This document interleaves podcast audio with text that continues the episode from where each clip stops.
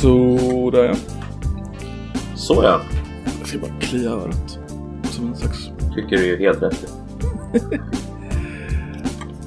bra början på en podd. Öronkliandet. ja, hej och välkommen till Aktualitets och populärkulturpodden Koffepodden med mig och som alltid dig. Mig och dig. Mig och dig. Mm, Du är Nedem, jag är Koffe. Mm. Jag är Albert och du är Herbert. Jag vet inte. Kanske. Vem är vem utav dem? Eh, Jag kommer inte ihåg det heller. Eh, du kan få... Her Herbert och Herbert. Herbert och Herbert. Vilka finns det mer roliga radarpar? Uh, Eh, Helan och Halvan. Hela halvan. Jag tänker på de här Emil Lönneberga och vad heter han, Bonddräggen? Al- Alfred och Mm. Emil. Ja, du vet. Just det.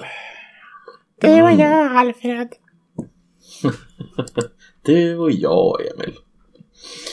Eh, vad finns det mer för härliga så här radarpar? Uh, Marcus och Malcolm. Jag ska. Det är ju ett slags radarpar. Mm, eller hur? Hasse och Tage måste vi väl säga i så fall. Hasse och Tage. Ja. Fan, eh, jag måste dra en liten snabb anekdot. Ja, jag kör, kör. Jag eh, kollade nyligen på Örebropartiets YouTube-kanal. Och alltså, vilka jävla underbara klipp de lägger upp alltså från deras eh, kommunfullmäktige. Mm, när, Det var- Marcus blir förbannad på allting. Ja, alltså, Ja, det är underbart, Så, alltså. ja, det är så jävla kul att se på. Han... Eh, det var det här, han hade ju lagt, eller Örebropartiet har ju lagt fram ett förslag om eh, att de vill förbjuda islamistiska förskolor Mm. och skolor. Eh, för de har ju problem med det i Örebro. Mm. Alltså ganska mycket i, eh, jag vet inte vad, vad stället heter. Vivalla. Men det finns ju ett, Vivalla, tack. Eh, då, då hade han lagt fram ett förslag eh, om att det redan fanns verktyg för att hantera den här problematiken då. Eh, och det skulle man kunna göra genom att eh, medvetet skapa regler eller använda reglerna som finns på plats för att sabotera. Mm. Så att han la fram ett förslag som röstades ner givetvis. Där, där man då helt enkelt skulle, för varenda förändring som de ville göra i sin verksamhet så skulle man skapa en handläggningstid som var så lång så att kostnaden för handläggningstiden skulle vara så stor att de var tvungna att lägga ner sin verksamhet. Ja, men alltså det, Och så stod jag där. Det går ju att göra Han mycket sånt göra där. när- poäng. Ja, jo, jo, men alltså det går ju att göra mycket om du har makten i ett land. Att då kan du ju subtilt styra folk på det sättet. Ja men han sa ju det också, alltså, han, sa, han sa så här Han sa mer eller mindre så här till alla som stod där eller som sitter i kommunfullmäktige i Örebro så sa han så här Hade, hade NMR Mm. försökt starta en skola eller en, en kommun eh, eller en, en förskola så hade ni med stor sannolikhet arbetat för att se till att det inte blev av och det hade ni gjort genom att sabotera. Ja, ja. Och att ni inte gör det när det kommer till de här islamistiska skolorna det är under all kritik. Mm. Eh, vad håller ni på med ungefär? Mm. Eh, jag vet inte, det är väl rätt svårt att argumentera emot att de skulle ha gjort det. Så att det är så här, Mm. ja. Vet du varför jag vet att det är Vivalla? Nej. Kommer du ihåg den gamla tv-serien Svensson Svensson med brevbäraren? Mm. De bor i Vivalla. Nej. Jo, det har alltså gått så pass uh, Back in the day, alltså för 20-25 år sedan, 30 år sedan är det nästan nu Är Så, det sant? så var det liksom ett fint litet förortsområde Så man kunde bo man var bankdirektör och brevbärare Morsan i familjen var bankdirektör Och Ja, ja, ah, shit alltså. det är lite synd faktiskt Ja. Mm. Det, det känns som en svunnen tid på något sätt. Alltså den... Eller Mm. det är det ju uppenbarligen, det är ju länge sedan. Men jag tänker så här att alltså, det känns inte som att 1990, mitten typ Mm. av 90-talet är så länge sedan som det faktiskt är. Nej. 25 år Det är sedan ändå 30, ja 25 år sedan precis. Det här är ju faktiskt första avsnittet på det nya året Kan vi Ja. påpeka och lägga till och hylla Ehm, Vi får ju börja med att tacka både Kepan och Ettan för eh, den eminenta uh, nyårspodden Mm, Jag tyckte den blev verkligen. Det riktigt var bra. jättetrevligt. Ja, det är Riktigt kul. Smurf Det var grymt. eh, fan vad jag tänkte på, jo, eh, alltså 2020, alltså det Mm. känns ju helt Sjukt. Det glada 20-talet. Ja, precis. The Mm. roaring twenties. En grej som är skön det är att man inte kan säga 20-talet. 10-talet det var ju lite töntigt att säga. Tonårstalet. Så här. Nej men det, det gick liksom inte att säga 10-talet på samma sätt som det går att säga 20-talet, 30-talet, 40-talet, 50-talet och så vidare. Håller helt med. Det är någonting med eh, att börja med T istället Mm. för Alltså, eller det gör det ju i de andra fallen också många gånger men 10, Mm. 20, det låter liksom inte samma. Men eh, vad heter det, mm, har du några predictions då? Lite snabbt. För vad som kommer hända i år. Inte för vad som kommer hända i år utan vad som kommer hända det här årtiondet. Varav det här året givetvis inkluderas men Ja, jag tror Tr- Trump blir omvald. Ja, du tror det? Det tror jag absolut. Eh, han kommer säkert gå i krig med någon. Kanske vi kan prata om senare. Eh, Mm. Ja, gud vad kommer hända? Alltså det känns som att allting är ett jävla mörker. Det är väl det som är problemet. det känns, det känns du, känner inte att det finns någon, några- någon ljusning i sikte eller? Det finns väldigt få grejer som pekar uppåt just nu om vi säger så. Ja. Försö- Ja, jag försöker lite- komma på någon grej som pekar uppåt sådär men det, jag... Inte fan alltså. Ja, vad skulle det vara? Eh, alltså det finns ju vissa positiva liksom, indikatorer. Alltså det finns ju vissa ekonomiska indikatorer som ser okej ut och sådär. Eh, har sett okej ut de senaste åren. Men det bör väl, bör väl vända snart också givet Mm. att Men sånt där är också så här, bli någon- makro och mikroekonomi. Alltså det kan ju vara bra för ett land men det kan ju gå dåligt för individerna i landet. Ja, så är det ju absolut. Mm.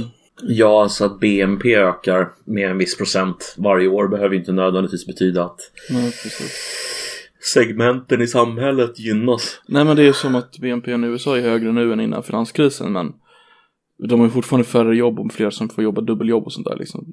Minimum wage-jobben är ju ökat ofantligt mycket. Ja, ja, det har varit en stor ökning i minimum wage. Men de har ju väldigt låg arbetslöshet också.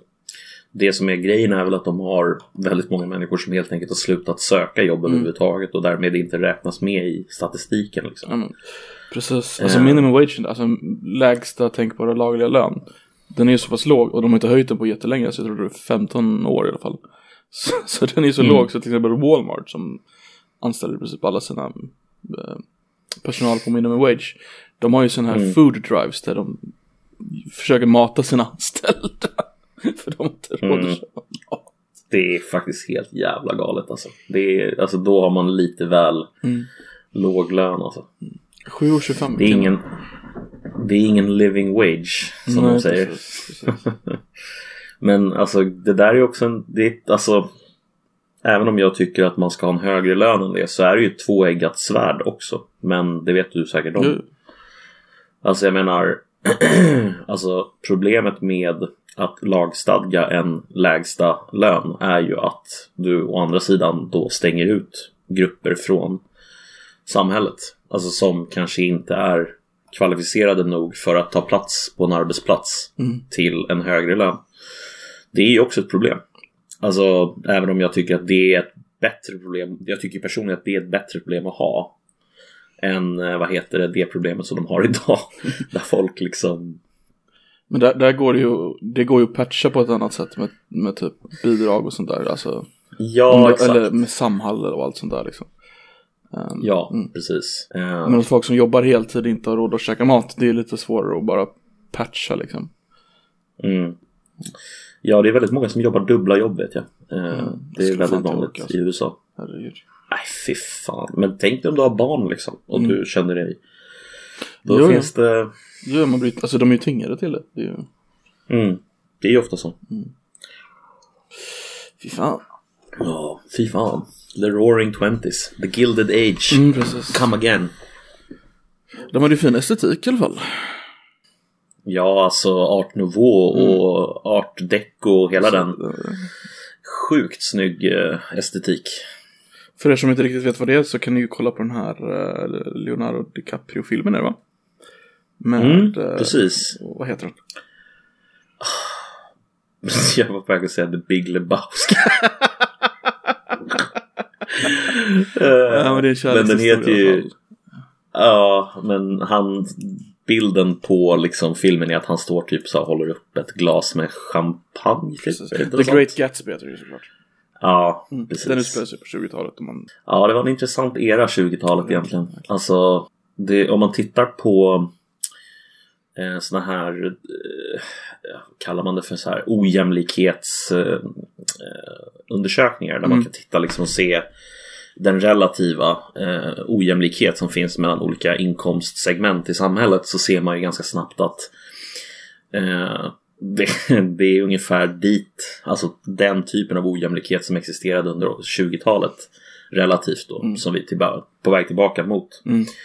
Sen kan man ju fråga sig hur, hur relevant det där liksom relativa ojämlikhetsmåttet är. Jag vet inte, jag, jag är lite kluven inför det. Jag förstår att det är viktigt men Mm. jag kanske inte köper att det är så viktigt som att det liksom är det enda viktiga måttet som det verkar som att vissa tycker. Det är definitivt viktigt men Mm. Alltså, Ja. Grejen är ju att folk upplever ju fattigdom på relativt sätt till vad andra har. Snarare än vad man Mm. har själv. Alltså att, Fast alltså, jag, jag såg nyss en väldigt intressant eh, eh, föreläsningsserie från Jail. Den här som handlar om politik och makt. Mhm. Som vi har pratat om. Eh, eller du och jag har inte pratat om den, men vi har pratat om den i kanalen.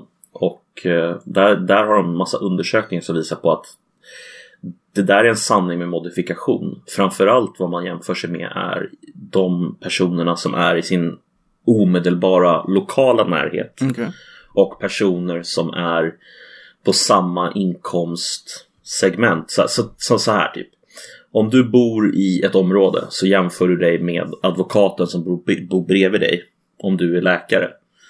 Eh, Medan om du bor till exempel i en förort i Stockholm så jämför du dig med din brevbäraren som bor bredvid dig. Alltså hänger du med? Alltså, det är, Så den, den fysiska separation som eh, segregation som hänt då sen dess kan ha hjälpt till att göra att det blir mindre möjlighet för någon slags revolution så att säga. I och med att folk jämför Ja. med mer likasinnade i dagsläget. Ja, alltså det verkar som att, det verkar som att alltså, det som folk bryr sig om är inte liksom att vissa människor, alltså så här, jag säger inte att folk inte bryr sig. Mm. Men det som folk verkar bry sig mest om är inte att till exempel det finns miljonärer som tjänar mycket pengar och att de jämför sig med dem. Utan det handlar snarare om att man jämför sig med de människorna som man själv tycker att man är jämförbar med. Så till exempel en sjuksköterska jämför sig med en Ja, jag vet inte vad som skulle vara jämförbart med typ en byggjobbare Mm. och, liksom anser att ja men okej, varför tjänar den personen 5000 kronor mer än mig? Alltså den typen av relativ ojämlikhet betyder mer för folk i deras vardag enligt den här eh, föreläsningsserien. Vilket var ganska intressant för jag hade inte gissat på det. Jag hade nog gissat på tvärtom att folk är irriterade liksom över miljardärer. Typ. Men Alltså det är inte omöjligt, att, alltså det är inte jättekonstigt om man tänker sig om jag jobbar lika hårt som dig och du jobbar på samma typ av nivå. Om du då tjänar mer än mig så klart jag blir irriterad på det liksom. Mm, precis. Ja, det är klart. Alltså, det, den, den, den logiken är ju rätt uppenbar för de flesta människorna. Att, det, att, det, att man kan känna så liksom. Ehm, definitivt. Ja. Men ja. så prediction. mer, mer ojämlikhet. Antagligen. Antagligen. mer raspolitik skulle jag säga också tyvärr. Eftersom du fortfarande håller på med det i Sverige. Ja. Jag tror att det kommer bli, eh, alltså den här rättviseförmedlingen och sånt där och sånt, allt sånt där. Det, det kommer nog få mer, eh, mer makt i Sverige. Så jag tror, jag, jag tror de där två sidorna av myntet driver varandra längre och längre Mm. ut på kanterna.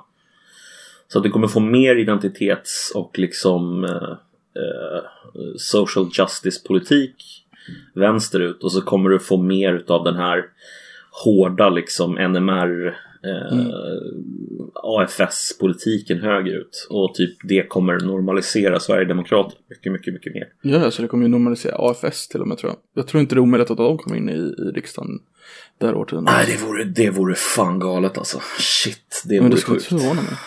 Men det, Nej, just för det som du heller. säger, att de normaliserar varandra i och med att de pushar varandra ut på kanterna. Så om AFS Mm. står kvar typ med sin nej ut-politik. Inte omöjligt. Ja, just det. Nej, nej ut. Ja, Det var deras Har du sett eh, Har du sett att det har startat ett eh, Ett eh, muslimskt parti också? Eh, Nej, berätta. Partiet Nyans. Vilken jobbig namn. Eh, Ja, konstigt namn. Men det känns som att det är också en konsekvens av eh, den här så att säga liksom Det finns inga liksom Typ Socialdemokraterna de är ju ett klassiskt så här, stort tält liksom som ska kunna fånga många människor. Men att det istället blir liksom okej små partier som ska representera små grupper av väljare liksom. Inte för att det finns väldigt få muslimer men alltså det är uppenbarligen så att jag tror inte att alla muslimer nödvändigtvis känner att de vill bli representerade av ett muslimskt parti liksom. Utan Nej. de, de, är väl, de är väl som alla andra intresserade av att rösta efter vad de tycker rent politiskt. Ehm, Ja, sen så finns det i och för sig politisk islam som vi har sett i Iran och alltså, det, är- det, är inte omöjligt, det är inte ovanligt. Det här skulle nog kunna, om de får växa till sig så skulle de nog kunna gräva ut ganska hårt ur eh, socialdemokratin. Ja, det tror jag också. Definitivt. Socialdemokratin har ju rätt stor eh, Mm. subkategori av röstare som, eller röster som är liksom muslimer. Så är det ju. Definitivt. Ja, så folk I som förorterna. bor i, ja, om vi ska vara ärliga, förorterna beroende av bidrag liksom. Mm. Det är ju där vi har satt alla våra Ja, invandrare. Och de flesta muslimer är ju invandrare. Så att, Mm. Jo, men visst. Det är en logisk följd av, av det. Ja, det är, det är, vi går mot en intressant tid. tänk dig som, partiet de här Nyans och eh, AFS i samma riksdag. De eh, interpellationsdebatterna mellan dem alltså, det kommer ju bli fantastiskt. Nej, ut. Va? Vad, sä- vad, vad säger du? Nej, ut. Va? Nej, fy fan alltså. Det är vi inte. Nej. Eller tänk när de bara ska, upp, jävla dystopi alltså.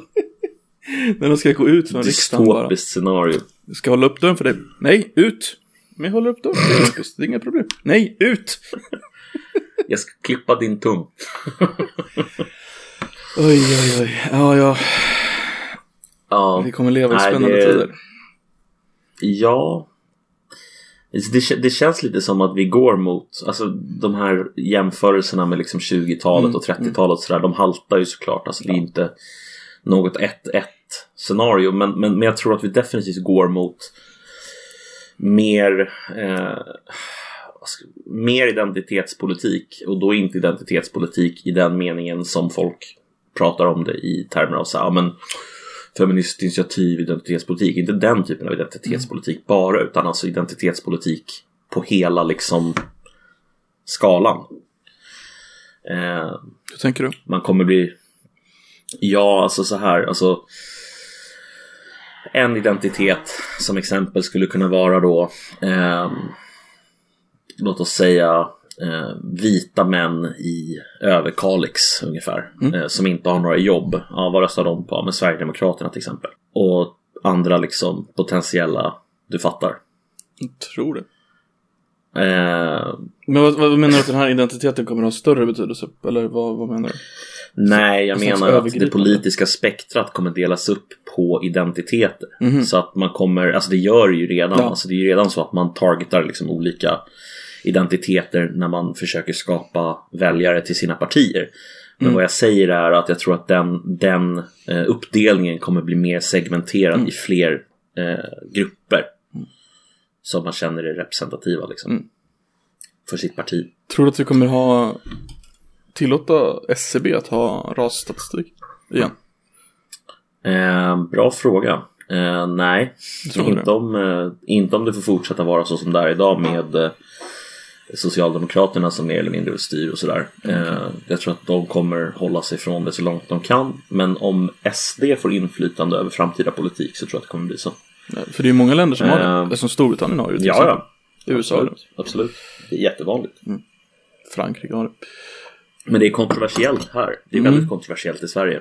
Men det var det jag funderar på om det kommer bli mindre kontroversiellt. I och med att det pratas så mycket identitet och etnicitet. Jag tänker till och med att det skulle kunna komma från invandrarnivå. Att liksom, vi vill visa hur stora vi är. Mm, Argument liksom. Typ Mm. partinyans då. Som vi pratar om. Ja, ja, kanske. Alltså, det är väl inte omöjligt i alla fall att vi får en utveckling där, där människor väljer att profilera sig genom att säga så här, men jag tillhör en grupp som motsvarar 7% av Sveriges befolkning. Mm. Varför ska inte vi, ja, bla bla bla typ. Precis. Den utvecklingen kan man ju tänka sig. Ja. Ehm, vad fan var det jag tänkte på? Jo, eh, har du följt med i vad som hänt här i veckan eller? Du tänker på uh, Iran-grejen. Jajamensan. Att uh, ledaren för det uh, revolutionära gardet Qasem Soleimani dödades på Ja. irakisk mark av en amerikansk robotmissil, Mojs. Korrekt. Korrekt. Mm. Eh, Ja, Mm. det är väl typ det jag vet. Eh, förutom vilken extremt Ja. hög position han här mannen då hade i, inom Ira- Iran. Han var ju väldigt... ja, han var ju deras toppdiplomat ju. Ja, det får du fan dra den där då. Herregud. Nej, Han, men han var ju egentligen alltså, militärledare. Ja, alltså han var ju egentligen precis som du sa ledare för det revolutionära gardet. Alltså det vill säga den hårdaste kärnan inom Iran eh, som stödjer liksom regimen som består av ayatollorna och deras liksom eh, ja, Quds eh, krigare och IRGC och fan vad är det deras religiösa polis heter? Ehm, Det kommer jag inte ihåg. glömde jag bort namnet. Nej, det spelar ingen roll. Eh, nej men eh, Vet du vad så står för kul. Nej, faktiskt inte. Det är Jerusalem på iranska för målet är att ta tillbaka Jerusalem. Aha, okej. Det hade jag ingen aning om. Det är deras extra Ehm. territoriella org- eh, militärorganisation. Ja, just det. Som han var ledare för. Ehm, ja, precis. Alltså Quds var, sa du inte det att Quds, Quds är en grupp inom Mm. IRGC alltså? Precis. Iranska revolutionära gardet alltså. Det är liksom en spets som en spets, så att säga. Ja, han var ju även då ledare över, Hes- eller inte ledare var han inte, men han, han var väl en av de få personer som kunde påverka extremt mycket vad Mm. Hezbollah skulle göra och inte göra. Precis. givet hur mycket pengar och stöd och inflytande som Iran har över Hezbollah. Det var väl den här personen som kanske var den mest utmärkande liksom, personen i relation till Hezbollah från, eh, från Irans sida. Då. Eh, men vad jag skulle säga var att Rapport eh, klockan 18.30 eh, rapporterade att eh, en toppgeneral hade blivit dödad. Mm. Eh, 19.30 så hade de ändrat den till från toppgeneral till toppdiplomat. Och det är en så jävla konstig förändring alltså. Det är alltså oförklarlig förändring. Så att eh, jag var ju tvungen att... alltså. Det är helt sjukt fascinerande. Jag, jag är ju någon slags eh, rättshaverist innerst inne, det vet du ju. Mm. Eh, så jag ringde ju till SVT igår. Du gjorde det? Mhm. Jag var tvungen att ringa till dem och eh, ifrågasätta vad fan de höll på med. Eh, och eh, fick prata med någon som satt i deras typ dygnet runt support ungefär. Eh, och han förklarade det som att det hade gått ut ett mail eh, internt på SVT som sa mer eller mindre att ja, någon hade begått det här misstaget. Eh, och jag försökte fråga då så här, men alltså hur kan det här misstaget ens ske liksom? Alltså hur är det möjligt att göra det här misstaget? Och han sa att han trodde, han visste inte givetvis, men han trodde att det hade att göra med att något mänskligt fel hade begåtts bara liksom på redaktionen. Eh, jag vet inte riktigt. Alltså, för, i, i, Du spelade inte Ja. in det där samtalet? Det hade varit kul att lyssna på. Nej, tyvärr. Faktum är att jag försökte spela in det. Men, eh, men eh, ljudinspelningen fungerade inte. Men ja, jag försökte. Definitivt. Det jag kan tänka mig är att det är någon så här regimlojalist på på eh, public service som bara Nej, nej, nej, nej, nej, ni måste ändra det här, han är på alltså, som försökte desperat meta över det liksom. Ja, kanske. Så jag har ytterst svårt att förstå liksom hur, hur man motiverar förändringen. För att alltså, det har ju uppenbarligen varit så att man från början har kallat honom toppgeneral. Vilket är mer korrekt Absolut, absolut. än toppdiplomat. Alltså, Så man har gjort Så varför fel, gör liksom. man- Ja. Ja men eller hur, visst är det konstigt? Man går från rätt till fel liksom. Ja, Det måste ju ligga någon jävla udda. det. Ja, det är helt, helt absurt. Men det var, var det bara den enda eh, gången? Det, det var inte mera gånger de ändrade det? Eh, nej, alltså det var den enda förändringen som de gjorde vad jag vet. Mm. Sen så om de har gått ut med någon dementi eller någonting så har jag helt missat det. Okej. Men eh, eh, vad jag vet så har de inte gjort det.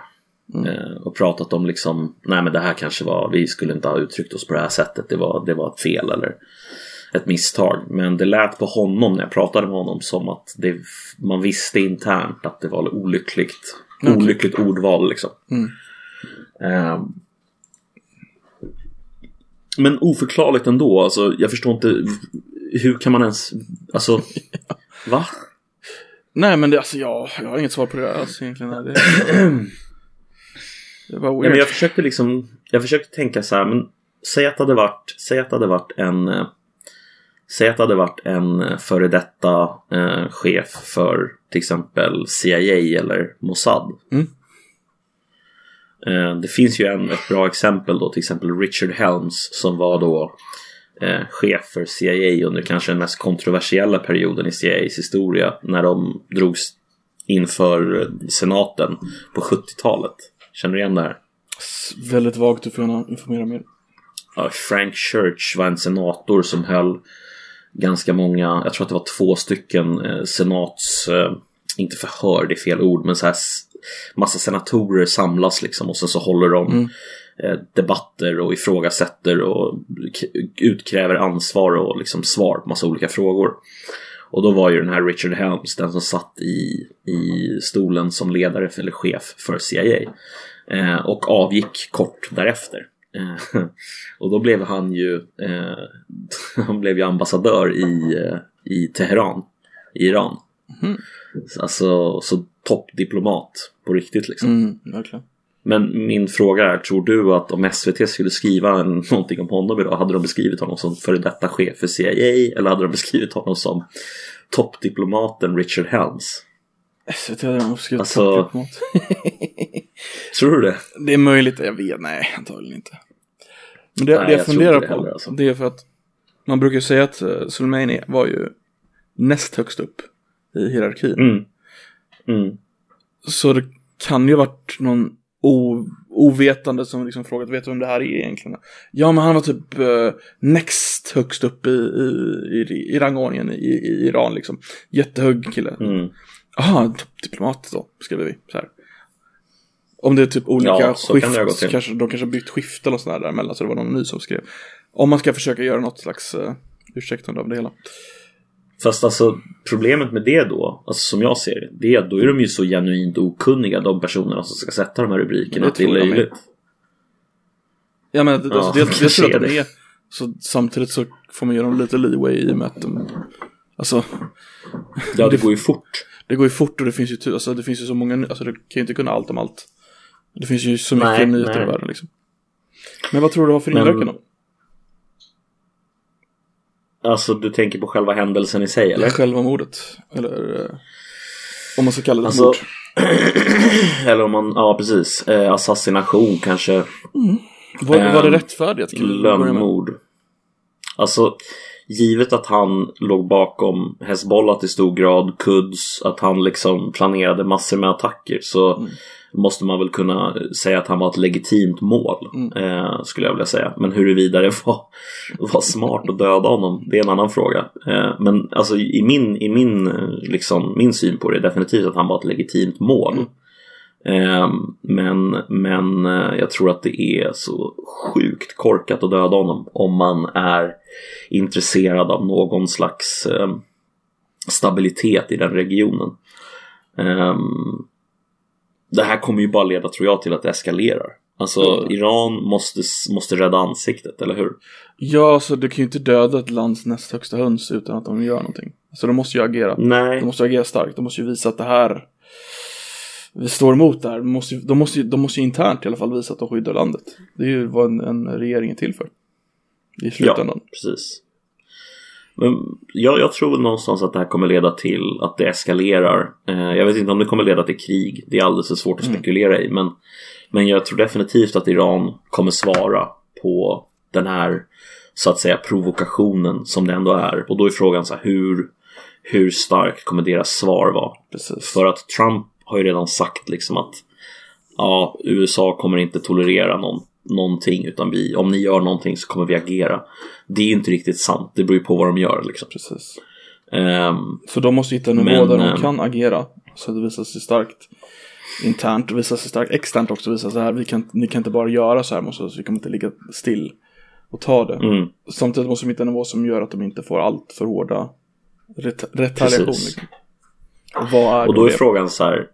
Ja, precis. Vad är då det? Och jag, jag vet inte. Alltså, för grejen är så här. Frågan är då också. USA har ju hittills, tills man nu dödade han, Suleiman, eh, respekterat, eller inte respekterat, men de har liksom gått med på att upprätthålla den här fiktionen som har varit att de här proxystyrkorna som har attackerat USA med- på baser runt om i Irak och som har liksom skickat missiler på eh, Israel och liksom whatever.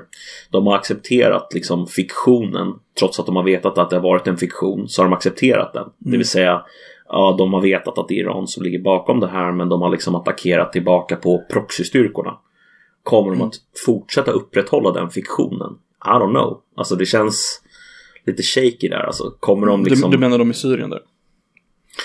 Ja, alltså framförallt i Syrien och Irak eh, under, vad heter det, den här långa liksom, konflikten som har varit så har det varit massor med med liksom Iran-stödda milisgrupper som har Ja, agerat precis. både med och mot USA eh, i, mot Isis liksom.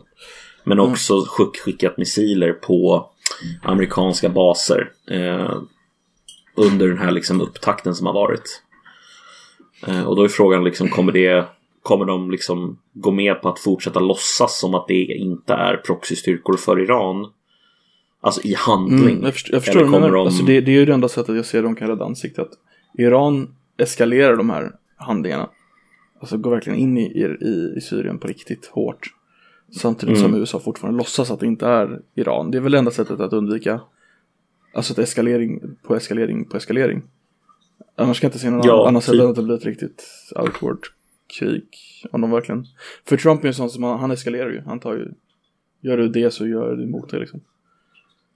Ja, det har ju spekulerats i att, eh, eller spekulerats i, det har rapporterats att det här liksom, eh, det här eh, beslutet han tog att eh, döda eh, Suleiman, att det var mer eller mindre mot eh, hans rådgivares inrådan. Typ de sa nej, Det kan gör inte det här.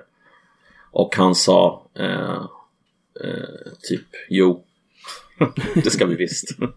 Det påminner mig om när eh, eh, Clinton eskalerade sitt bombkrig i, i Serbien. När han var impeached. Wagged ja, just det. Det är lite lik faktiskt. Ja, jag vet. Ja, jag vet inte fan alltså, jag köper inte riktigt det? Eh, nej, alltså jag tycker att det är ganska olikt egentligen. Eh, jag fattar vad du är ute efter. Mhm. Tänker typ, eh, för du, du tänker wag the dog grejen, eller hur? Att man liksom... Ja, lite så att vi blåser upp till krig så måste ni näs bakom presidenten och så. Kan inte du förklara wag the dog eh, grejen bara så att folk fattar Uh, Wag the? Dog är väl en, du tänker filmen då? Ja, det är ju en, det är en Mm. film där det är en president som håller på att bli impeached tror jag för mig. Varpå han uh, skaffar massa PR-byråer, eller de bästa PR-byråerna. Och de kommer på idén att men då startar vi ett krig. Men Mm. han har inte råd med ett krig. så de startar ett fake-krig helt i medier. Men de säljer det till befolkningen som ett riktigt krig. Varpå han då klarar av Ja. sin återvalskampanj och så. Alltså grejen är att det jag tycker är den stora skillnaden mellan det scenariot och även det scenariot som den filmen bygger på. Scenariot bygger ju på när Clinton gick in i Kosovo och hjälpte till. Alltså det är det som är liksom eh, scenariot i filmen fast man säger ju inte det rakt ut. Eh, Fast han gick ju verkligen. Men- Han bombar ju som fan. Speciellt i Serbien. Ja, ja, ja, absolut. Absolut. Men det jag tycker är liksom den stora skillnaden här, det är att Clinton visste ju inte om han skulle klara sig igenom senaten. Eh, Medan Trump vet ju att han kommer klara sig igenom senaten. Eh, det är liksom inte en fråga om eh, han kan, alltså så här, han har blivit impeached i huset men det har ingen betydelse för att senaten kommer ändå frikänna honom. För den ägs av republikanerna och de har redan sagt det liksom. Ja, behöver... Så att jag ser inte Jag ser inte att han har behov egentligen av att starta ett krig för att eh, liksom rikta uppmärksamheten bort från impeachment. Personligen alltså. Alltså grejen är väl att hon, eh, vad heter hon ledaren? Nancy Pelosi. ledaren Ja. underhuset, hon, håller, hon har inte gått vidare med impeachment, hon har inte skickat upp det än. Nej, jag vet. Så, hon, hon, så det, det kan ju störa honom att han vill ha bort det ur nyhets, uh, nyhetsflödet liksom. Att potentialen för Ja, impeachment jo. kommer hela, kan komma hela tiden. För så fort du Förvisso, skickar upp den så är det ju dött. Ja, Men nu det håller är därför hon nu- inte skickar upp den. Precis, nu håller hon ju den levande. Så han Mm. kan ju bara, bara för att han är absolut så pass narcissistisk. Att han bara skulle kunna vilja börja byta national topic liksom. Ja, jo, det har du ju för sig helt rätt i. Men samtidigt, alltså, den är ju, alltså ska de vänta då? Alltså så här, det enda scenariot där hon vinner är ju liksom att hon väntar till valet i, i november 2020. I år. Och i år alltså, ja jo, men det är nio eller elva månader bort. Ja men tänk Eh, på hur och länge sen de höll eh, Obamas uh, Supreme Court nominering uppe. Det var ju något sånt där. Det var ju nio månader tror jag. Jo, jo, och sen så ska de vinna senaten. Mm. Alltså det är enda sättet. Ja men hon, väl hon tror ju på att de vinner också. Så Ja, alltså just senaten tror jag är rätt. ja, senaten är svår. Ja, den är svår alltså. Det, det är så här. Jag tror att till och med om de vinner presidentsposten Mm. så förlorar de ju eh, senaten. Liksom. Det är, Senaten funkar så att varje state ger två medlemmar. Oavsett hur stor eller liten staten är. Så att den är nästan alltid Mm. majoritet republikansk. mm, den är väldigt, väldigt svår för demokraterna att, eh, att ta helt enkelt. Jag tror att senast som, eh, som senaten ägdes av demokraterna var under Obama. Eh, typ 2000 fram till 2010 typ. Något Mm. sånt. Första perioden. Första perioden då. Ja, Mm. tror va? Jo men det var ju det, var, han hade möjligheten att få igenom allting som sa han. Som de sa. Mm. Så det var absolut, det stämmer. Jag för mig det. Eh, så det är liksom, det är ingen lätt eh, grej att få igenom. Alltså jag vet inte, alltså jag, jag, jag kan se vad du säger. Det, det, det är definitivt så att, att Pelosi verkar vara ute efter att eh, förhala den här processen så länge som möjligt och hålla den i folks medvetande. Men ja, jag vet, ja, Alltså jag Trump det blir kommer ju irriterad det. Det är det som är grejen. Jo, jo, det, Så blir det, det, det, det kan vara glädje nog för henne liksom. Ja, inte bara hon, eller inte bara han menar jag. Utan, alltså, det är ju, republikanerna är ju Ja. jätteirriterade över att de inte släpper det till senaten. Så att de bara får rösta ner det liksom. Precis. Ehm, Sen så är det ju lite roligt hur mycket tweets Trump gjorde innan han blev vald. Om hur Obama skulle starta krig med Iran. Bara för att locka, byta ämne. Ja. För att bli omvald och allting liksom. Och sen så gör han det själv liksom. för, för att återkoppla till våra tidigare samtalsämnen här om the roaring twenties. Eh, är vi på väg in i ett scenario där vi, vi kommer gå under en period här nu in i liksom mer ökad eh, ökad osäkerhet. Sen så får vi ett, ett 30-tal som kulminerar i ett tredje världskrig. Är, är det det som är liksom Är det där vi hamnar? Alltså, du säger det lite skojigt men liksom någon gång så får vi ju tredje världskrig. Ah, jag vet fan alltså. Du tror- jag, jag är skeptisk till det.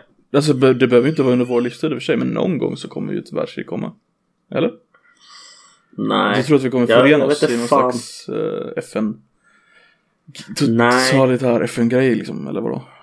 jag har bara svårt att se, alltså så här, jag, alltså, alltså, alltså de enda som kan bedriva, alltså de enda som kan vara spelare i, alltså för att du ska kunna ha ett globalt världskrig Mm. så krävs det att spelarna som är involverade är av den digniteten som det bara finns ett visst antal av. Typ USA, Kina, Ryssland. Det är väl de tre liksom. Indien, Mm. Eh, Japan, Storbritannien kanske, Frankrike. Och vad de flesta av de här har gemensamt det är att de har kärnvapen. Japp. Vilket gör att eh, det blir ett liksom zero sum game. Du kan inte vinna. Det finns, inget vin- det finns inget vinstscenario i ett tredje världskrig som utspelar sig mellan de största, liksom, största spelarna. Jag kan definitivt se liksom små skärmytslingar och små liksom krig som uppstår och släcks och att man vinner och vinner, för, vinner, eh, vinner över liksom, ja, typ kalla kriget. Tänk Så det beror liksom. på, alltså det, du förutsätter ju då att de går all out med kärnvapen liksom. Det behöver de inte nödvändigtvis göra. Ehm, nej, men jag tror att alltså, direkt när du involverar liksom regelrätta konventionella styrkor i krig mellan de här länderna. Mm. Alltså typ Kina och USA till exempel. Så kan det så snabbt eskalera att de kan inte ta den risken. Utan det blir istället Okej. proxykrig liksom. Mm. Jag förstår vad du menar. Ryssland har ju det Eh. i sina försvarsplaner. Eh, kärnvapen. På vilka platser de ska bomba och sådär. Ja, jo absolut. Det är, ja för fan. Litet sidospår men eh, när, när de fortfarande var Sovjet. Det har ju lä- läckt ut nu. En, ett sätt för dem att försvara sig. Att kärnvapenbomba hela Danmark. Mm. För att locka då, för att skapa en flaskhals där, eh, av icke radioaktivt område där hela NATO-trupperna skulle komma in. Har du hört talas om, eh, har du hört talas om deras dödmans handsystem? Eh, ja, alltså stämmer det att de verkligen har ett? Mm, det stämmer. Hur vet du det? De har ett dödmans hand... Äh, det har rapporterats om redan, alltså efter Sovjet föll så vad heter det, kom nyheten om det där ut. Stämmer det att den här Och det går att Urkel läsa. 51, The Buzzer, är dö- döds dödman-hand-grejen? Det vet jag inte, jag tror inte det. Jag tror bara den är en sån här number station Okej. som... Men eh, jag är osäker. Det är för, för de som inte vet så är det en, eh, vad heter det, radiosändare som bara ligger och sänder ut en väldigt, väldigt lång puls, eller hur? Precis. Ibland avbryts det av nummer också. Och, men det roliga med den Ja, är, precis. man vet att den är live, för att de har ju en, ibland hör man ju ryska i bakgrunden. Ja, just det. Så är det. Men du kan ju förklara vad en dödmanshand är. Ja, alltså en dödmans hand det är ju till exempel när du säger att du kör en båt och så ramlar du över bord. Eh, har du en dödmans hand då så stängs båtens motor av när du ramlar över bord för att du helt enkelt har en nyckel som du sitter fast i. Så att om du ramlar över bord då hänger nyckeln med och då stängs båten av.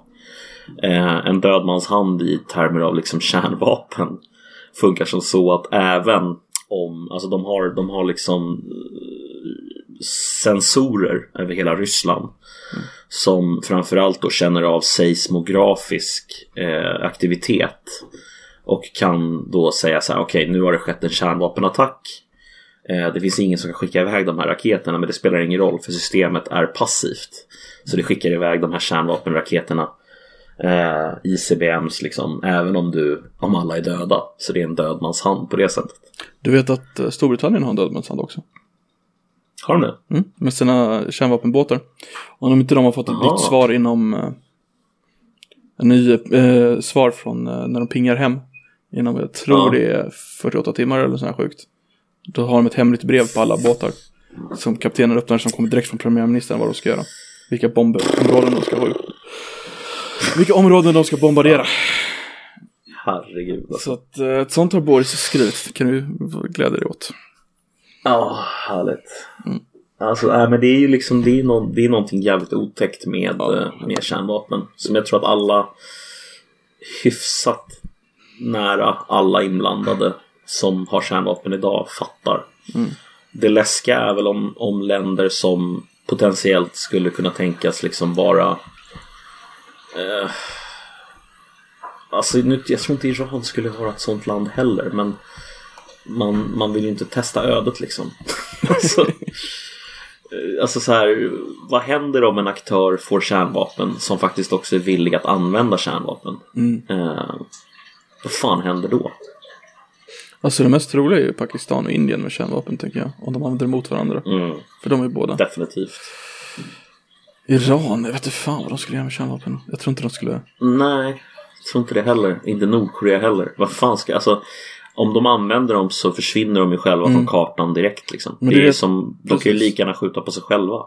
Det är just därför Pakistan och Indien är så pass intressant. För de, de är ju så pass hårda mot varandra och de är tillräckligt liksom, någorlunda jämnstora liksom.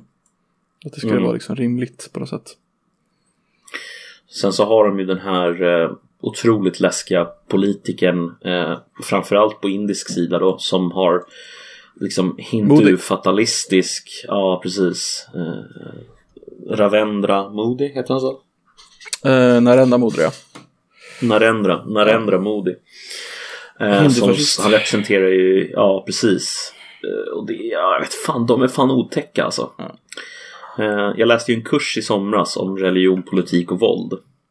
Mm. Och då gick vi igenom och tittade på liksom ursprunget till, eh, till eh, BJP som är hans parti. Och ursprunget är ju typ en, en hindufascistisk slash nationalistisk grupp som eh, är samma grupp som personen som dödade Gandhi kommer ifrån till exempel. Alltså bara för att ge något slags perspektiv på det liksom. Eh, Ja, okej. Har du hört om den nya det är ganska... medborgarlagen han har pruttat igenom? Nej. Kanske inte hört så mycket om den i Sverige i och för sig. Nej men eh, det finns ju ett, ett område i Indien som är Muslim majority fortfarande. En state. Mm. Och den, Mm. Assam heter den förut om du känner till det. Eh, och han har successivt dragit tillbaka deras självbestämmande rätt i den staten. Och infört en ny Mm. medborgarlag som kräver att de måste kunna visa medborgarskap. Eh, Mm. Vilket inte så många där liksom kunde bevisa. Nej. Samtidigt så vägrar han dela ut det. Så du har, du har fått ungefär två miljoner människor har i princip blivit statslösa i år. Eller förra året. Herregud alltså. Och det, ja, de mesta av dem är ju muslimer då. Det har varit ganska stora rabalder i, i Indien om det kan jag säga. Ja, det kan jag tänka mig. Mm. Ja, Jag, vet att, jag vet att det har varit eh, hinduiska eh, dödspatruller som har dragit runt och eh, stoppat eh, lastbilar med kossor. Eh, så att typ så här, lastbilar som transporterar kossor till muslimska områden för slakt och liksom Mm. käka. Kossor är ju heliga då inom hinduismen. Ja, Och då, då vad heter det, har de helt enkelt stoppat de här eh, transporterna och så har de bara tagit livet av, eh, av eh, förarna då till de här lastbilarna. Eh, så att eh, det har varit, ja, det, det är inget bra. Jag konstaterar. Vilken för, att, för en liten underdrift sådär. hårt men eh, effektivt. Det är inte bra. Ja. Det är inte bra. Nej, det är Nej, får se vad som händer. Men eh, Mm. i år, Indien, det är de är ju stormakt i år. Det var ju deras mål. Kommer du ihåg det? Nej. Jag gick ut med det för eh, typ tio år sedan att de skulle vara en stormakt för 2020. Ja. Så de har aldrig, de har aldrig reviderat målet eller sådär. Bara, nej, stormakt 2020. ja, nej men det måste man väl ändå, alltså så här, alltså de är ju en regional stormakt i alla fall. Det måste man ju säga. Absolut. Eh, fast i och för sig så har de ju en större regional stormakt bredvid sig i form av Kina. Så att de blir ju inte så... Eh, men de måste ju ändå kunna kallas regional stormakt. Eh, kanske, kan kalla, kanske kan kalla Kina för en regional supermakt då. Givet att USA är den enda globala supermakten så är väl kanske Kina den enda regionala supermakten eller någonting, jag vet inte. men, men det är ju definitivt så att, att eh, Indien har stort inflytande i regionen, det måste man ju säga. Alltså de har ju lite olika regioner då får man säga för det, det är bergskedjan däremellan liksom. Vad heter den? Ja, Eh, Indien. Himalaya. Hi- Ja, Himalaya. Himalaya. Himalaya. Himalaya. Himalaya. Himalaya. så, men så, så Indien har ju liksom söder om det. Medan Mm. Kina har liksom öst, väst. Ja, du fattar. Så är det. Ja, definitivt. An annars är ju Ja, jag vet mode är ju väldigt populär i Indien. Har den ju ökat eh, toalettifikationen så att säga i landet till en norm. Vilket är en fantastisk grej att kunna säga. Ja, det är fan ett fantastiskt jävla... eh, alltså, ja, det finns få länder som jag är så ointresserad av att åka till som Indien. Alltså när jag, när jag tänker på länder jag vill besöka så är inte Indien ett av dem. Alltså det är så här... Jag ser framför mig alltså misär och liksom total jävla... Alltså det, det verkar så jävla hemskt bara på alla sätt och vis. Jag vet inte, är Alltså, det, när- skulle, när du, han skulle du tog, vilja eh, besöka? Nej men så här, när han tog makten så hade 40% av hushållen toalett. Ja, alltså, det är... Nu har Hur många nu då? eh, 71%.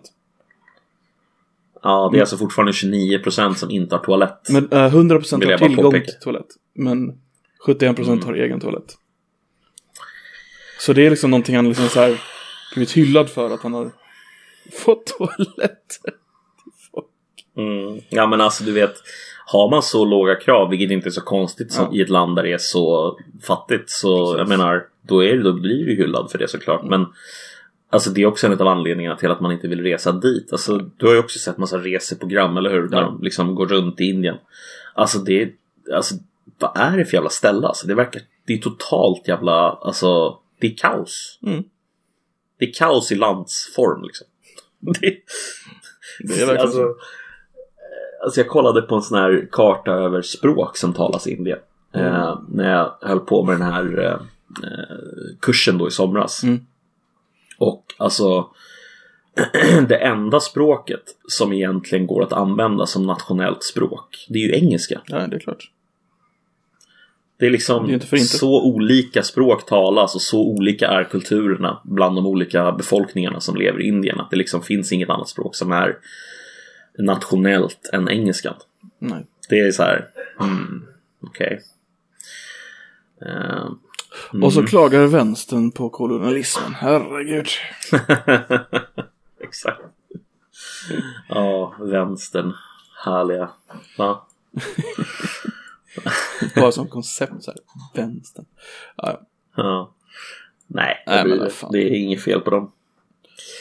Men skulle du hellre besöka Indien än typ Kenya då? Nej. Nej, jag skulle hellre besöka Kenya. Det är så? Än Indien, ja, det är nog rätt få länder som jag... Alltså visst, jag skulle nog inte hellre, jag skulle nog hellre besöka Indien än Nordkorea liksom. Mm, Ehm. jag skulle gärna besöka Nordkorea. Så det skulle vara coolt. Ja, jag skulle nog kanske besöka Nordkorea också, när jag tänker på det faktiskt. Det skulle vara läskigt som fan. Men okej, okej då, så här, Somalia skulle jag hellre, jag skulle hellre besöka Indien än Somalia. Sant, sant. Eh, Eh, men, eh, men eh, det är bara för att det är en failed state liksom. precis. Förutom Somaliland som verkar funkar ganska bra vad jag har förstått. Men de har ingen refer- Ja, det, jag har hört någonting liknande. Ehm, vad är egentligen det land man minst av alla länder i hela världen skulle vilja besöka? Är det Somalia? Heter det Somalia? Säger man Somalia på svenska? Somalia. Säger man Somaliet? Nej, Nej, kan man. Somalia. Somalien. Soma Somalien. Somalia. Är du säker? Ja. Jag skulle kunna tänka mig att man säger Somalien. Varför skulle man säga fel? Jag vet inte. Fan. Vi släpper det. Somalia. Okej, det låter bara konstigt. Men okej, ja. Uh, Somalia är det nog eftersom de är så pass failed. Eller... eh, Ja, Kongo. Det verkar ju riktigt, riktigt, riktigt failed i Kongo alltså. Men Kongo är väl bara liksom... Det är ju inte krig där just nu va? Alltså det är väl bara... Ja, men det verkar ju vara, det är massa så här rebellstyrkor och sånt i och där som har varit Åh, vad hände med honom? Um, Conny. Lords Army. Ja, Conny. jag visste att det skulle gå på honom. Uganda-killen. Eh, Var det Uganda? Lords... Ja, det var Uganda.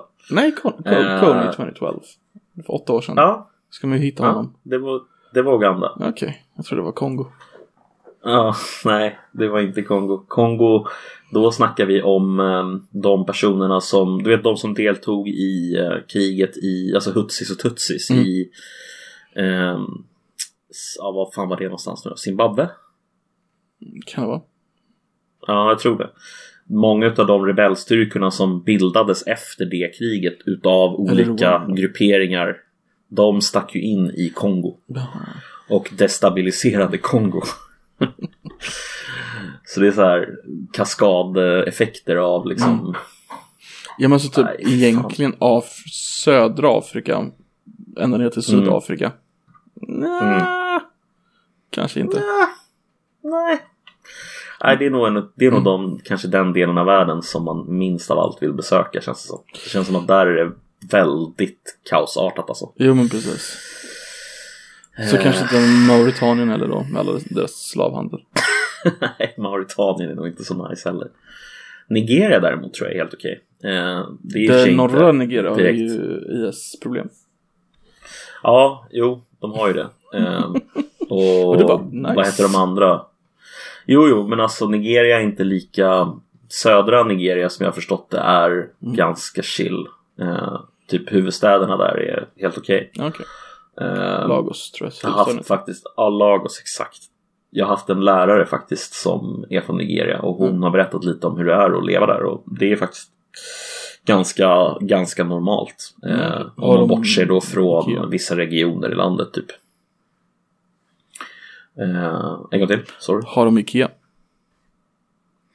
Eh, bra fråga, men eh, IKEA-index måste vi faktiskt kolla då. Eh, Finns det ett Det borde, Ikea-index? det, nej, jag tror inte det. Men jag tänkte på samma som McDonalds index finns ju så här att inga länder som har McDonalds har någonsin krigat med varandra. Något så här löjligt. Du vet.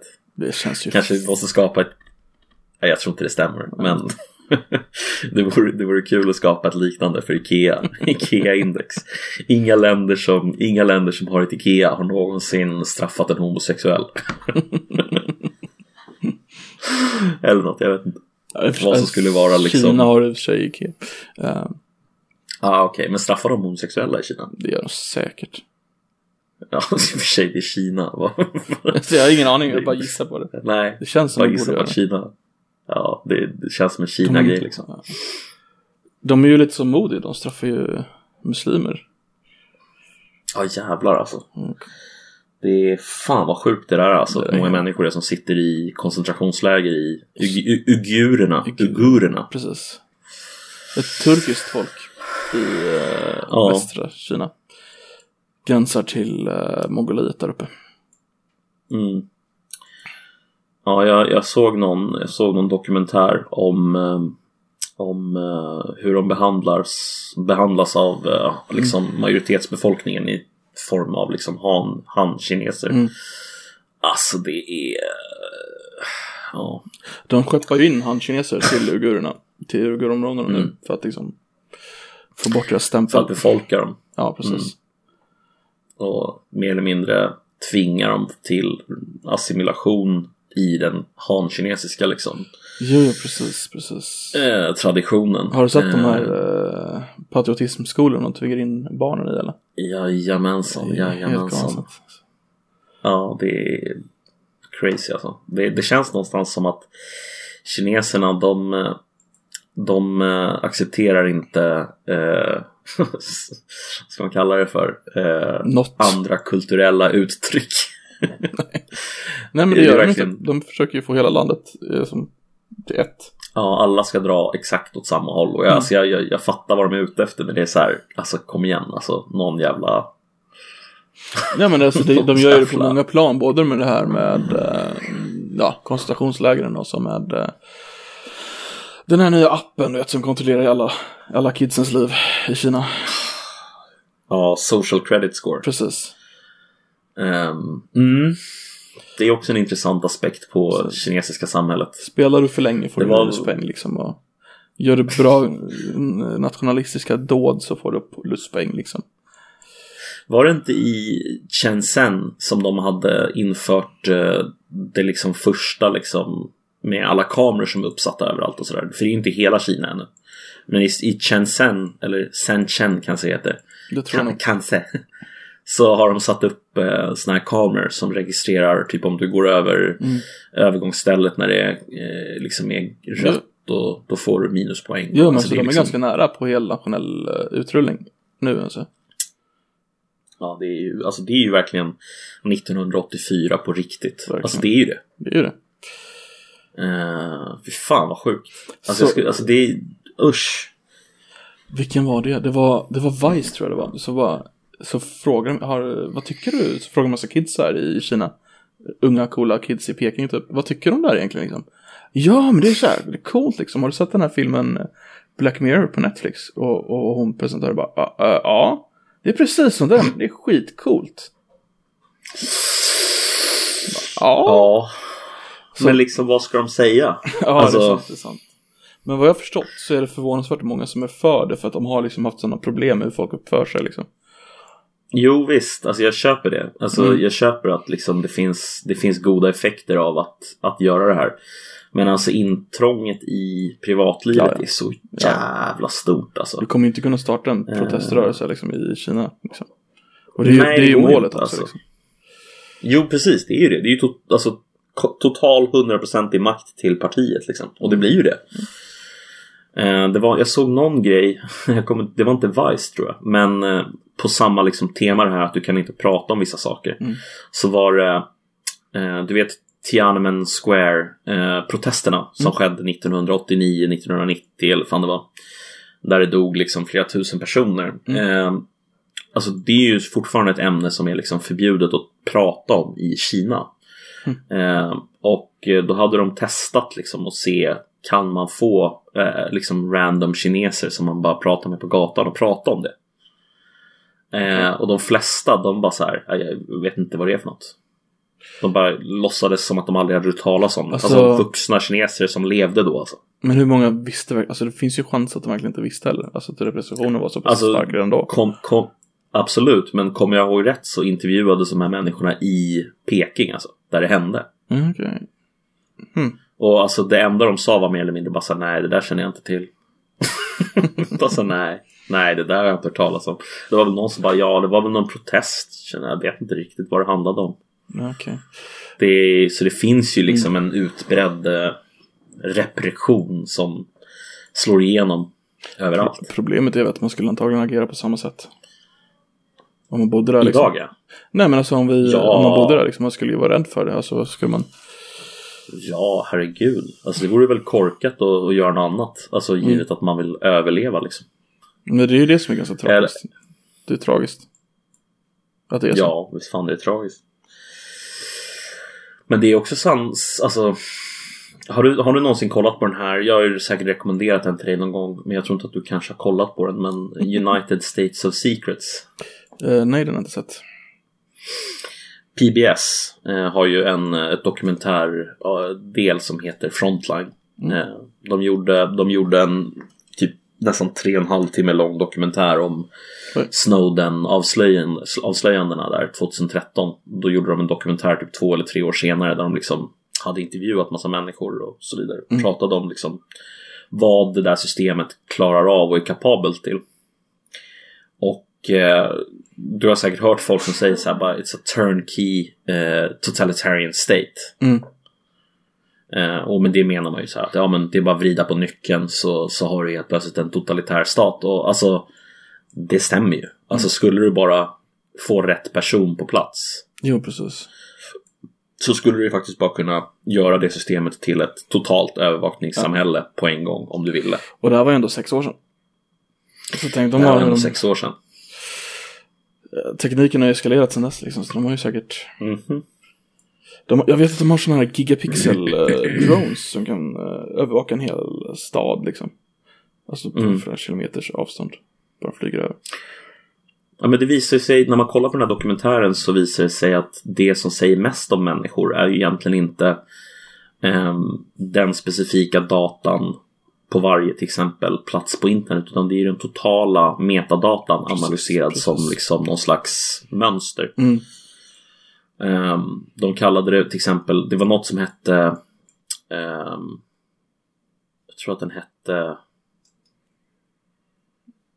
ah, Röd tråd ungefär på, svensk, på svenska skulle det kunna översättas till det. Mm. Röda tråden ungefär. Det var liksom källan till det här programmet. Och då var det liksom så tänk dig typ att alla sidor där du är aktiv, alla platser där du lämnar efter information. Mm.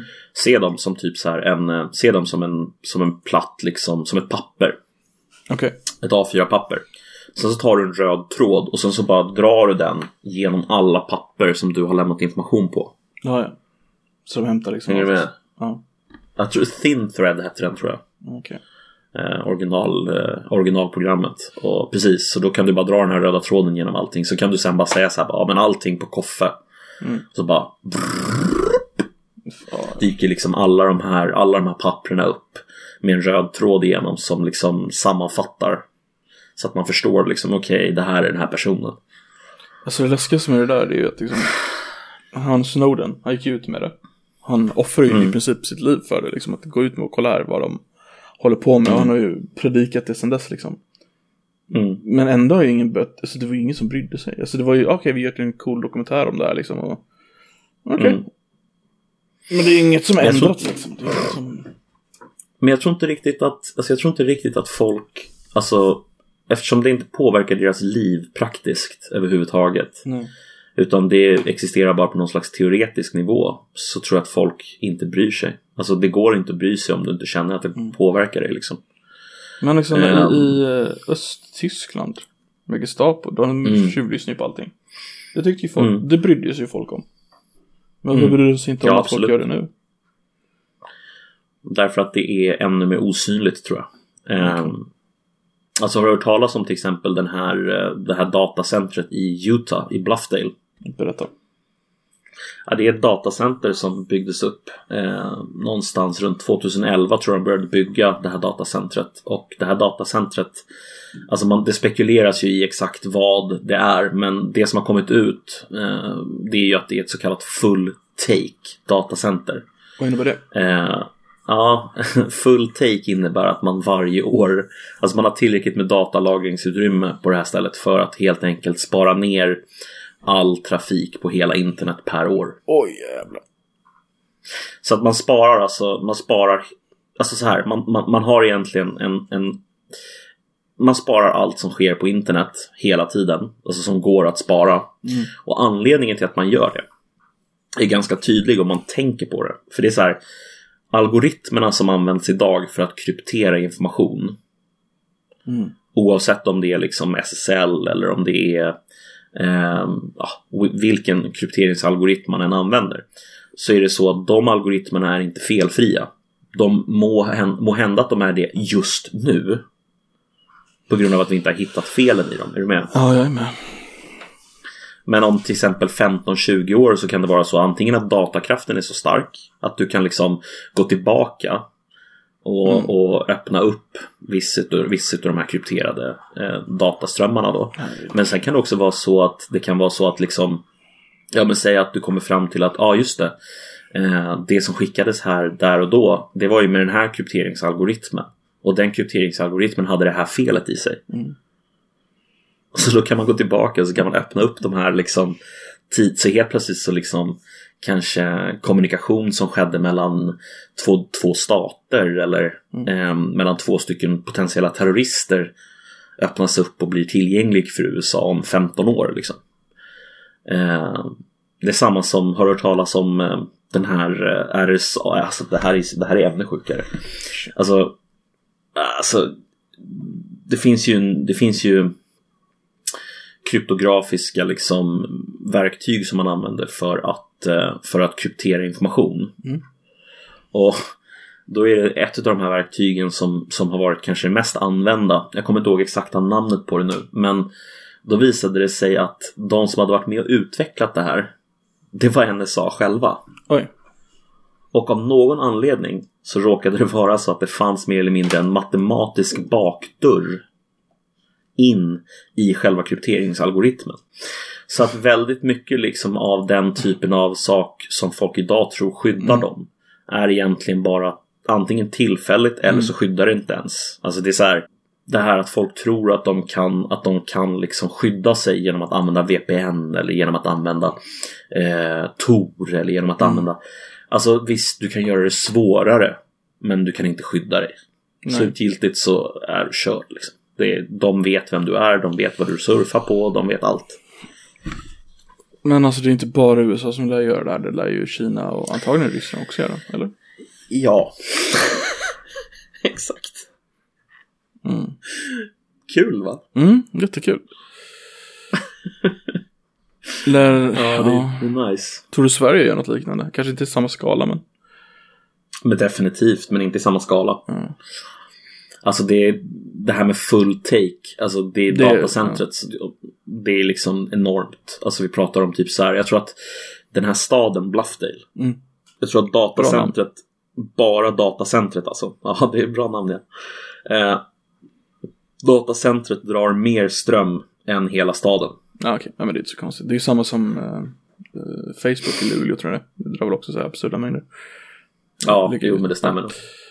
Nej men det, det är väl bara i dagsläget USA, Ryssland och Kina som skulle kunna göra något sånt där. Ja, jag skulle gissa på det. Eh, Ja, det fan Men sen är det väl också en alltså. fråga om liksom Alltså eh, Thin Thread som var liksom ursprungsprojektet till det här. Mm. Tan- tanken från början var ju liksom att allting skulle vara anonymiserat och att endast, endast eh, vad heter det, människor som eh, så att säga eh, var targets för den amerikanska säkerhetstjänsten alltså NSA, CIA och så vidare, skulle liksom gå att avanonymisera. Eh, men efter 9-11, för det här var alltså påtänkt innan 9-11. Eh, efter 9-11 så ändrades scopet på det här så att det blev en full take istället och att liksom allting eh, mer eller mindre fanns i klartext att sökas på internt och det var för att liksom säkerställa att ingenting tappades mellan in, alltså underrättelsetjänsterna så att man faktiskt inte liksom råkade ut för ett scenario som det som skedde 9-11. Liksom. Så att ja, Ja, det är ju helt... skrämman, skrämmande. Ja, för fan. Sen är det väl svårt att kunna anonymisera och sen oanonymisera det om man inte har det någonstans oanonymiserat då heller. Alltså det Ja, alltså det enda du kan göra är väl typ så här att ha massa jävla kryptografiskt som du liksom Mm. ändå går att avanonymisera om man, eftersom man måste kunna det för att kunna Precis. anonymisera det. Liksom. Så det går Så att, alltså ja. mot en eh, potentiellt tredje världskrig och den totala övervakningsstaten är redan här. Ja. Ja. vilken, eh, vilken optimism vi går in i det här årtiondet med. Ja, det är väl härligt. Om Islamiska staten vinner och tar över Europa. Skulle Ja. de ha något sånt där då? Eller är de tillräckligt eh, teknologiskt inkompetenta? Nej, jag tror att de skulle nog definitivt ha någonting liknande. Alltså. Ja, okej. Teknologin blir ju bara lättare och lättare och lättare att genomföra också. Så att alltså... ja. Då har vi inget hopp därifrån då. Och, nej, jag tror, jag tror tyvärr inte alltså. Jag tror, att, jag tror att det enda hoppet är de här, eh, vad heter de, anarko, eh, Ja, ja, ja. ekofascist-rörelsen. Så att back to the basics liksom. Eh, anarkoprimitiv... Anarkoprimi... Anar... Ah, anarkoprimitivism eller? ja, just det. Så är det. Precis. Ja, vi kör på lite anarkoprimitivism. Det är fina grejer det. Och, och back, backar, backar tillbaka bandet typ 200 steg eller någonting. Ja. Herregud. Ja, det är, det är mörkt. Det är mörkt. Inte bara på Kameruns och Bengt utan även i våran framtid. Ja, det stämmer. Det stämmer. Det här har varit Koffepodden, aktualitets och närtidskulturs poetisk podden med eh, Koffe och Nedden. Eh, tack för oss. Tack för mig. Tack för dig. Tack för mig. Ha det gött. Hej. Tack. Hej.